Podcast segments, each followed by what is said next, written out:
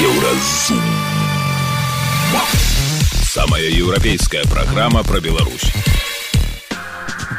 Вітаю, гэта праграма Еўразум. І самыя важныя падзеі сэнсы тыдня і пятніцы 6 кастрычніка. Хто можа стаяць за выбухам на чыгунцы ў мінскім раёне? рэкая вайна да? яна была 80 гадоў таму калі тое ж самае адбывалось калі беларускія партызаны падрывалі чыгунку каб не рухаліся войскі гітлераўцаў яна адбываецца зараз таму гэта наша прафесія Вы ведаеце што будзе з вами праз месяц? Што чакае беларускі чырвоны крыж? На жаль не будзе лепш тым хто реально залежыць ад дапамогі чырвонага крыжа.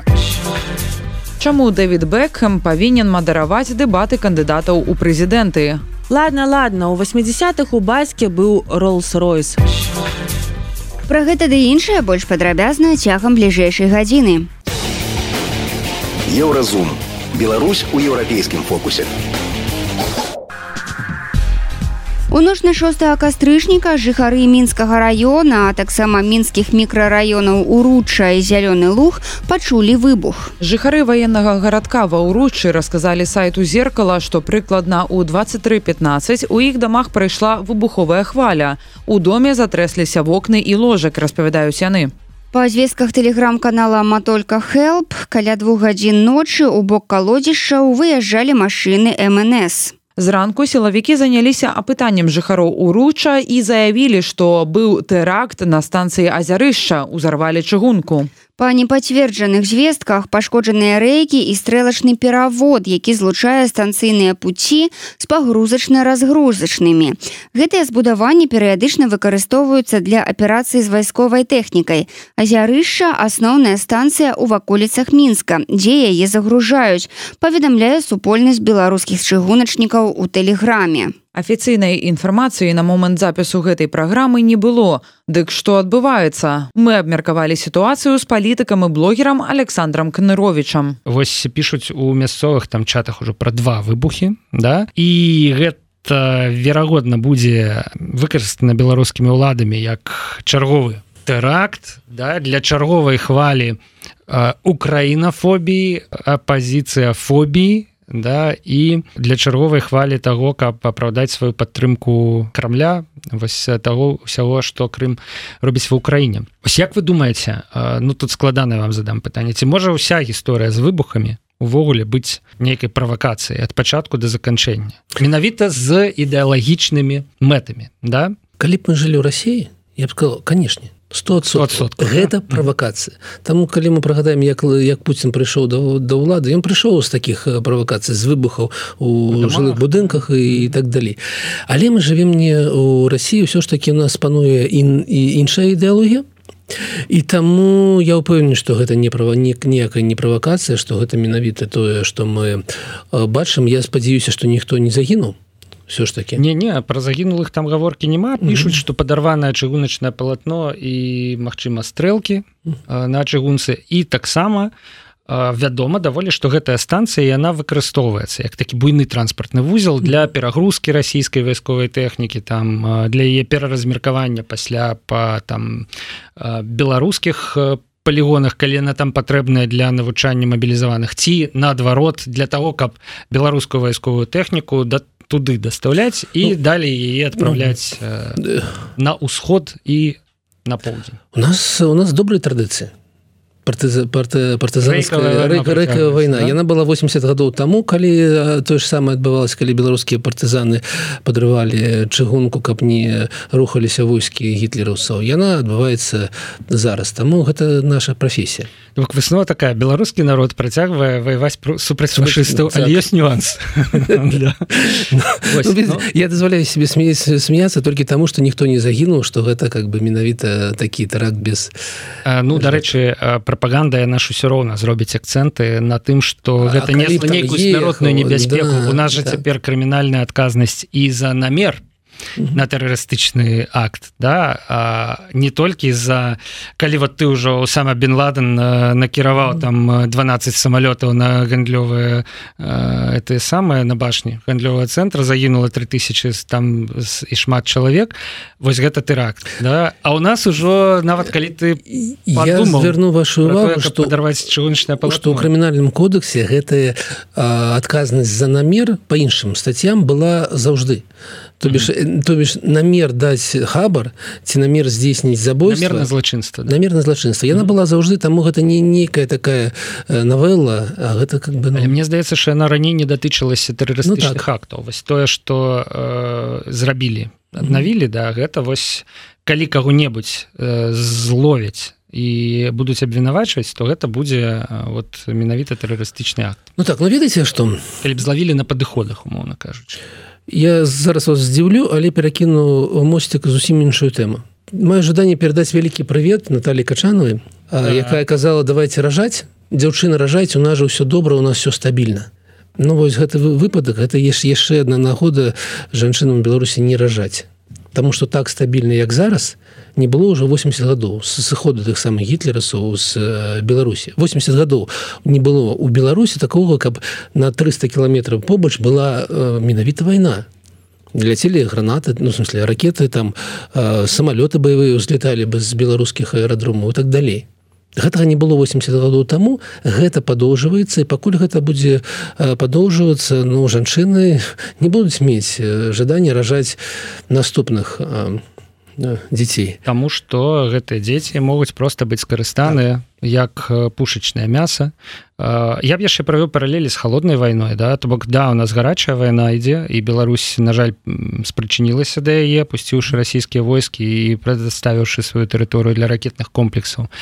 Але ёсць і элементы холоднай вайны. Гэта тое супрацьстаянне якое не вядзецца цяпер. Гэта тое што лукашенко ўвесь час кажа пра Польшу як пра агрэсара mm -hmm. пра сябе як пра э, міратворца але які ўвесь час праводзіць вучэнні канешне ж з абарончымі метамі але ядерную зброю якая ўсё ж таки з'яўляецца давайте э, па шчырасці наступальнай зброі да і пра якую увесь час на расійскім тэлебачанні напрыклад кажуць про тое что ну, так, калі ўжо мы значится в ядерка это по ним шарах да? ну, маргарита симонян на... вот зусім недавно. Зусім недавно. Да. вы чулі что я казаў не? На ну гэта дзякуй Богу вы не чу ну, дзякуй Богу вы не чулі тому что как бы яна прапанавала на полном сур'ёзе ўзарваць ядерную бомбу дзе вы думаете?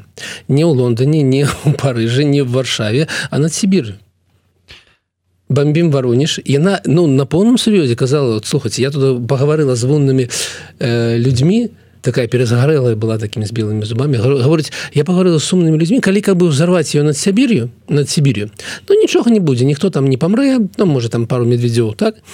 Але как бы усіх адрубіцца э, электронная там сувязь не будзе ніякіх гаджетаў тэлевізення Ютуба нічога не будзе таму можа так мы і зробім каб усім было дрэнна у тым ліку і нам а як гэта працуе з фізічнага гледзяшча я не разумею. Э, але ну ладно дзякаваць Богу маргарыта семянян не з тых э, крыніцаў ацэнкам э, якіх можна давяраць. Але вось гэтая mm -hmm. типа мы мы на зло гары згарэў сарай гары гары хата. да мы вам на зло яшчэ і сабе там нашкодзім.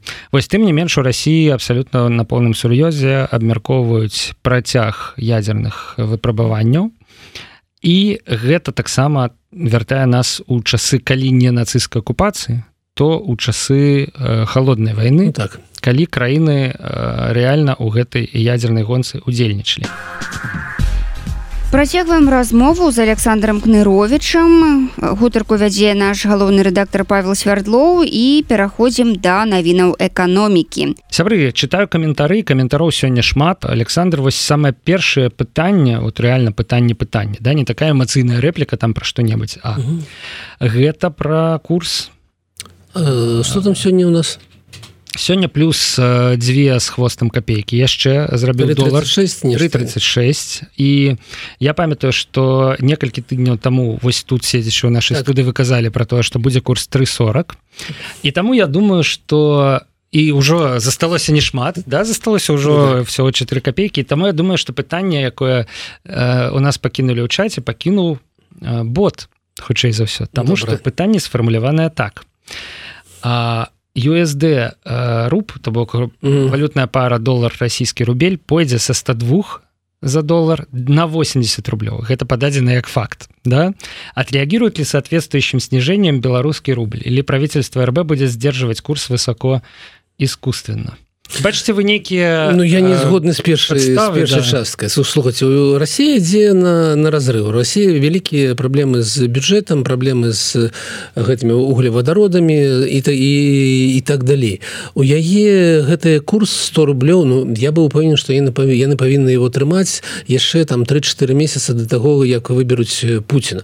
Я был быў упэўнены што яны будуць уліваць туды валюту. Таму как бы сённяшні 102 калі гэта 102 не павінны павінны быць там доўга павінна 99-99 як у у ашане. Так?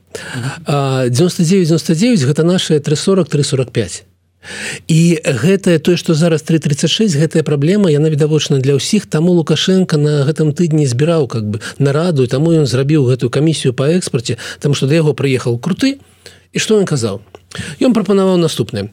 Глядзіце паважаныя там не ведаю як я он да яго аблажы аб звяртаецца товарищ прэзідэнт як яны любяць які товарищ ён не ведаю. Так вось які прэзідэнт такі ж самы так які есть товарищ так вось гаворыць у нас такая тут беда Росія расейцы ж прывыклі купляць у расійскіх рублях по якім-то таким ценам стабільным А тут калі гэта курс скача трэба ж павышаць на 20 сотка на 30 сот Таму я прапаную прадаваць по расійскім рублям ну у тых же ценах гаворыць не будем подвышаць кошты лукашен говорите сухаце так гэта ж будут страты ну, говорит, ну будуць страты да ну дзякуй Богу что побач сидзеў там міністр прамысловасці ці нехта інша казор казаў круты ты чого Бок. так вось я чым да недадаванасць недадавальвацыя ў беларусі праводзіць да скарачэння экспарту таму яны павінны былі зніжаць паступова курс беларускага рубля што яны і робяць гэта нармалёва і у гэтага зніжэння ёсць некая мяжа яна там не больш за 345 я ў гэтым упэўнены на дадзены момант. Таму будзем глядзець як гэта будзе патроху рухацца. Ну конечно никаких 80 рублей за расійскія 80 рублей за, за доллар больш больш не будзе. І канешне никак не ніяк у беларусі не будзе спадаць курс. Ну за межамі тых калібаней там на тыдзень там две копейки три копейки туды-сюды. Але тренд такі павольны павольны тренд наперад. По піша нам спадар что ён не бот. Выбачаюся я думаю что боты так не робяць ну, так, так, так. Вось по итогу 2023 года Россия выводит свою экономику в плюс два с половиной процента ВВП я так разумею компенсируя просадку за 2022 год. Але ўсё ж таки гэта не перашкаджае ім трымаць курс менавіта на тым узроўні на якім яны яго трымаюць. І больш затое ўсё ж таки гэта выгодна і беларусам я маю на увазе беларускую эканоміку беларускіх вытворцаў mm -hmm. да для якіх цяпер Росія гэта рынок збыту на 60, 65 уже монопольна монопольная да? залежнасць ужо Вось калі беларускі рубель таннее адносна не долара а нават адносна расійскага рубля мусіць ну, таннець так. для расіян беларуская прадукцыя выглядае таннейшай а значыць больш прывабнай так. пра што кажа круты а Э, давайте замацуем там значится стары курс. Про что кажуць ему? Не не не не не стой. Вось. Э, так что э, адказ усё ж таки не. Я думаю что можа разгледзім гэтае пытанне яшчэ крыху больш пра курс. Крыху у скарочаным выглядзе перафармуляваным калі с все ж таки нейкім чынам Россия вырашыць вліць шалёныя Э, валютныя рэзервы у тое каб апусціць штучным чынам курс э, расійскага рубля да до 80 рублёў за долар беларускі рубель адрэагуе на гэта ці не? Ну ён павінен э, рэагаваць ну ведаеце ўсё залежыць ад гэтых наколькі гэта будзе на месяц на два ці на тры да тому что дзень у дзень няма ніякай рэакцыі гэта відавочна што няма такой рэакцыі дзень у дзень але на так больш больш доўгім тэрміне ён павінен рэагаваць як он рэагаваў у 22 годзе. Мы з вами памятаем там летом того года 252 за да, долар да. Да, таму ён будзе рэагаваць але я ўпэўнены што у расійская эканоміка зараз не ў тым стане каб было 80 рублёў за долар. Яна не не вытрымае 80 ну... рублей Палітыкамі блогерам александром кныровичам абмеркавалі сітуацыю на рынку валют выбух на беларускай чыгунцы і тое хто можа стаяць за гэтым здарэннем еўрарадыё кропка фм Далей у праграме еўразум. Вы ведаеце, што будзе з вами праз месяц. Што чакае беларускі чырвоны крыж. На жаль, не будзе лепш тым, хто рэальна залежыць ад дапамогі чырвонага крыжа. Чаму Дэвід Бэкхэм павінен мадараваць дэбаты кандыдатаў у прэзідэнты. Ладно, ладно, у 80-х у бацьке быў Ролс-Ройс. Сустрэнемся пасля навінаў спорту. Еўразум. Беларусь у еўрапейскім фокусе.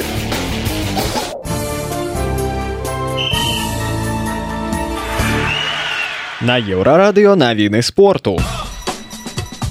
Салігорскі шахцёр выйграў суперкубак беларусі па валейболе сярод мужчынскіх каманд у мінску ў трох сетах быў абыграны сталічны будаўнік. Для шахцёра гэта пятая перамога ў матчы за суперкубак у мінулым сезоне яны таксама заваявалі золата чэмпіянату і кубак беларусі трэнер з нашай краіны Андрей сідарэнка адхілены ад кіраўніцтва польскім хакейным клубам тых і піша трыбуна. Часова абавязкі 64гадовага спецыяліста будзе выконваць яго памочнік адам багінскі. Пасля восьмі матчаў каманда займае чавёртае месца ў польскім чэмпіянаце. Сідарэнка працуе з ёй амаль два гады. За гэты час тых і выйграў кубак польшчы і стаў віцэ-чэмпіёнам краіны кіраўніцтва манчестер сити хоча працягнуць яшчэ на сезон контракт з нападаючым эрлінгам холландам. У бліжэйшыя месяцы могуць адбыцца перамовы. Футбалісту прапануюць павелічэнне заробку паведамляе daily mail. Пры гэтым у холланда засталося чатыры гады до конца бягучай дамовы. Ён дэманструе мансіці выдатную статыстыку 64 галы ў 69 матчах. у выканкам федэрацыі футбола беларусі вырашыў набыць поўны пакет акцый газеты прэсбол выданне сутыкнулася з фінансавымі праблемамі і апынулася на мяжы закрыцця. Яго сайт заблакаваны рашэннем мінінфарма. Федэрацыя відаць спадзяецца захаваць спартыўную газету. Гэта былі навіны спорту. Заставайцеся на еўрарадыё. Еўрарадыё. Твоя улюбёная хваля міжнародная федэрацыя таварыства ў чырвонага крыжа і чырвонага паўмесяца пагражае спыніць супрацоўніцтва з беларусю. Калі не сыдзе ў адстаўку кіраўнік беларускай часткі руху дмітрый шаўцоў. А ўсё простое што шаўцоў любіць упрыгожваць сябе z сімволікай і дапамагае незаконна перавозіць і перавыхоўваць украінскіх дзяцей. Разам з супрацоўніцтвам спыніцца і фінансаванне беларускага чырвонага крыжа. Вы што хочаце пачуць пытаюцца журналіста еўрара радыё ў сакратарыяце таварыства. Так там рэагуюць на пытанне, што будзе з арганізацыяй далей. Еўрарадыё даведалася, за чый кошт жыве беларуская філія чырвонага крыжа, што яе чакае і хто можа пацярпець праз паводзіны шаўцова. Слухаем наш рэпартаж.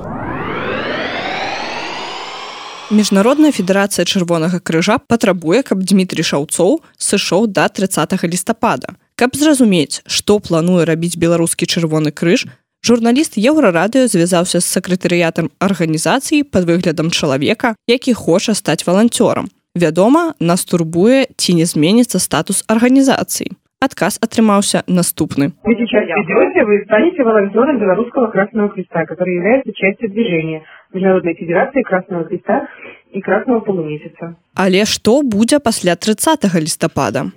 А вы уверены, что будет с вами через месяц? Вот с вами лично. Я в спиритизм и вот в судьбу не очень верю. Гарантировать, что будет завтра, я не могу. На думку сузаснавальніка Байсол Андрэя Стрыжака, чырвоны крыж у Беларусі дакладна застанецца. Але як структура, якая абслугоўвае інтарэсы ўладаў. эксперт таксама падзяліўся думкамі аб тым што ўвогуле такое беларускі чырвоны крыж Ну калі глядзець на агульную карціну то чырвоны крыж разам з беларускім саюзам жанчын разам з беларускай рэспубліканскай піянерскай арганізацыяй брсмам розным кшталту фондамі мира і ветэранамі займаў асаблівую пазіцыю у беларускай сістэме калі можна іх назваць выбараў і ў першую чаргу менавіта там больш за ўсё актывізаваліся гэтыя структуры і яны вы заўсёды высоўвалі сваіх прадстаўнікоў і ў склад камісіі склад назіральнікаў.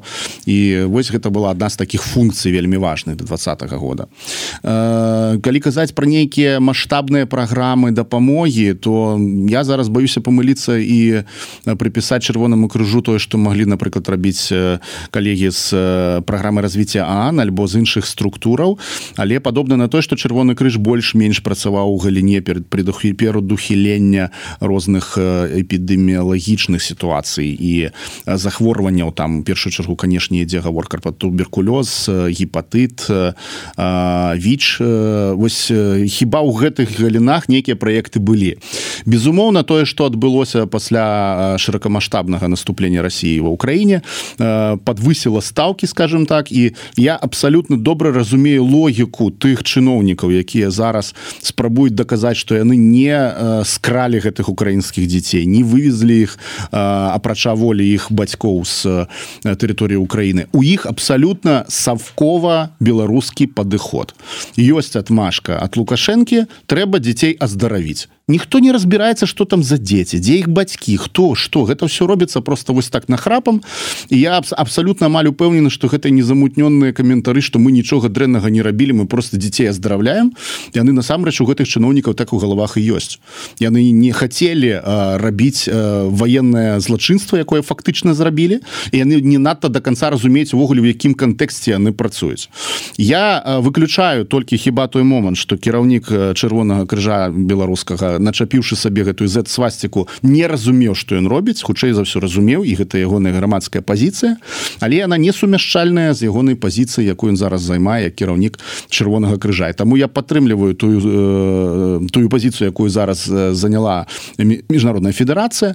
Э, але не пытаю ніякіх ілюзій цалкам Мачыма что гэты чалавек застанецца на сваім пасадзе э, і беларускі чырвоны крыж стане больш аўтаномным скажем так э, можа аддзеліцца ад гэтай э, сусветнай федэрацыі і будзе жыць па сваіх правілах што ў прынцыпе абсолютно нормально для лукашыскае грамадства сягоння якое рушыць да э, грамадзянскай аўтаркі калі яны не залежаць ад сваіх калегаў э, э, міжнародных ну ясна што ад фінансавання э, таксама будуць абрэзаны але ну неяк выжывуць але ўсё ж ёсць гуманітарны трек дзейнасці чырвонага крыжа ў беларусі які і пацерпіць лічыць стрыжак. Безумоўна пацерпяць тыя людзі якія залежаць ад тых праграм якія фінансуюцца міжнароднай федэрацыяй міжнароднымі партнёрамі. Э, бо я абсалютна упэўнены што беларуская сённяшняя ўлада не будзе на сябе браць гэтых абавязальніцтваў ёй так хапае месцаў куды можна запіхаць грошы якіх няма і як бы тут абсалютна спакойна трэба ставіцца да гэтага і разумець што э, э, на жаль на жаль не будзе лепш тым хто реально залежыць ад дапамогі чырвонага крыжа. Беларускія улады сапраўды неахвотна выдзяляюць грошы на чырвоны крыж. Па дадзеных апошніх даступных справаздач у 2019 годзе адзіны фонд чырвонага крыжа быў толькі на 6 процентаў прафінансаваны з бюджэту беларусі а ў 2018 годзе на 5 процентаў. Тым часам фінансаванне замежных донараў склала 42 проценты адзінага фонду чырвонага крыжа у 2019 годзе і 50 процентаў у 2018 годзе Мяркуючы па дзяржаўнай праграме здароўя народа і дэмаграфічная бяспека на 2021-2025 гады сітуацыя не асабліва змянілася пасля 2019 года. Практычна на ўсе напрамкі праграмы з удзелам чырвонага крыжа выдзялення бюджэтных грошай не прадугледжваецца. Каб зразумець, якія групы людзей могуць апынуцца без падтрымкі чырвонага крыжа, зазіраем у дзяржпраграму. У яе рамках чырвоны крыж Беларусі сярод іншага дапамагае даглядаць за людзьмі з абмежаваннямі жыццядзейнасці займаецца прафілактыкай і медыка-сацыяльнай дапамогай тым, хто перахварэў на COVID-19. аказвае сацыяльную псіхалагічную і прававую дапамогу сем'ям у якіх адзін з членаў злоўжывае алкаголем а таксама дапамагае хворым на туберкулёз як кансультацыямі так і медыка-сацыяльнай і псіхалагічнай падтрымкай. Яшчэ чырвоны крыж працуе на супрацьдзеянне стыгме і дыскрымінацыі звязанай з віч і гендерным гвалтам. Гэта значыць, што чырвоны крыж часта працуе з уразлівымі і малаабароненымі групамі ў Беларусі. Інфармацыйная служба еўрарадыё. Еўрарадыё. Моц настрою Далей у праграме еўразум Чаму Давід Бэкхам павінен мадараваць дэбаты кандыдатаў у прэзідэнты? Ладно ладно у 80-х у бацьке быў роллс-ройс. Сустрэнемся пасля навінаў шоу-бізу. Еўрарадыё. Твоя улюбёная хваля. Шоу-біз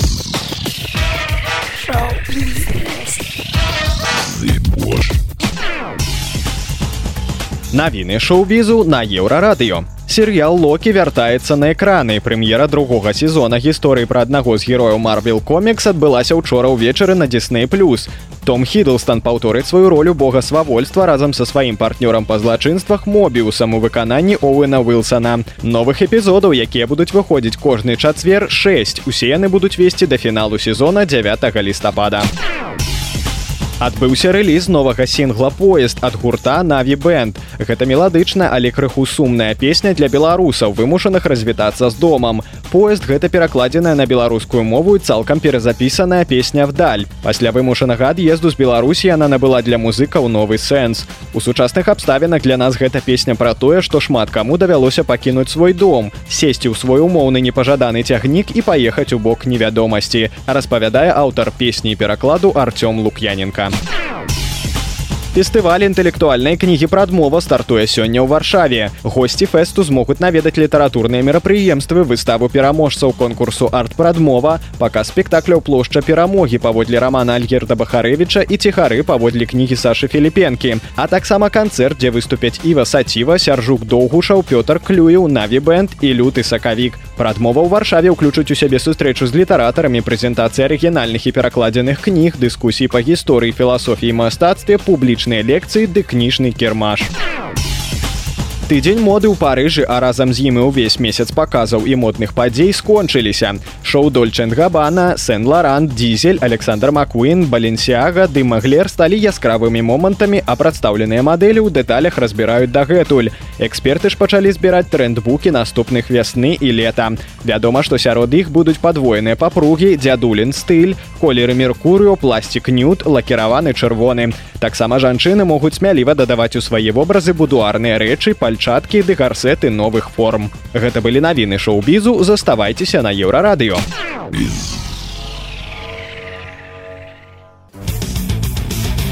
Еўразум жыві ў рытме Еўропы.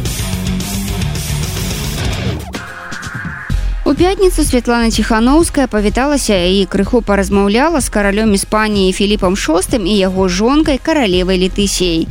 Беларуская нацыянальная лідарка знаходзілася з візітам у гранадзе на саміце еўрапейскай палітычнай супольнасці. І пакуль Святлана Георгіевна чарговы раз распавядала сусветным лідарам пра сітуацыю ў Беларусі і пра тое, што хопіць проста выказваць занепакоенасць даваць ужо нешта рабіць, Netflix выпусціў дакументальны фільм пра зорку брытанскага футбола футбола дэвіда бэкхэма у першай серыі ёсць забаўны эпізод. Жонка дэвіда дызайнерка вопраткі Вікторыя бэкхем распавядае пра сваё і мужава паходжанне з рабочага класу. Бэкхэм які ў гэты момант знаходзіўся ў іншым пакоі з'явіўся ў кадры і літаральна прымусіў жонку расказаць праўду.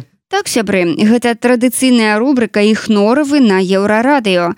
Кароткі агляд сусветных навін проста цяпер лаўрэаткай нобелеўскай прэміі міру стала іранская актывістка якая змагаецца за права жанчын наргес махамадзі Цяпер яна знаходзіцца ў тэгеранскай турме. Агулам рэжым арыштоўваў яе 13 разоў, 5 разоў асуджаў і прыгаворваў агулам да 31 года турэмнага зняволення. Так сказала Берыт Рэйс Андерсон, кіраўніца нарвежскага нобелеўскага камітэта ў Осла.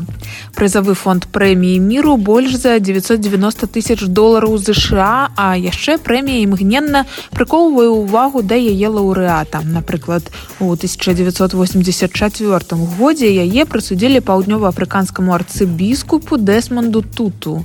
Ён тады сказаў: « Яшчэ учора мяне ніхто не чуў, а на наступны дзень я стаў аракулам. Зрэшты, сёлета галасы іранскіх жанчын былі добра чуваць і да таго, як на іх звярнуў увагу нобелеўскі камітэт.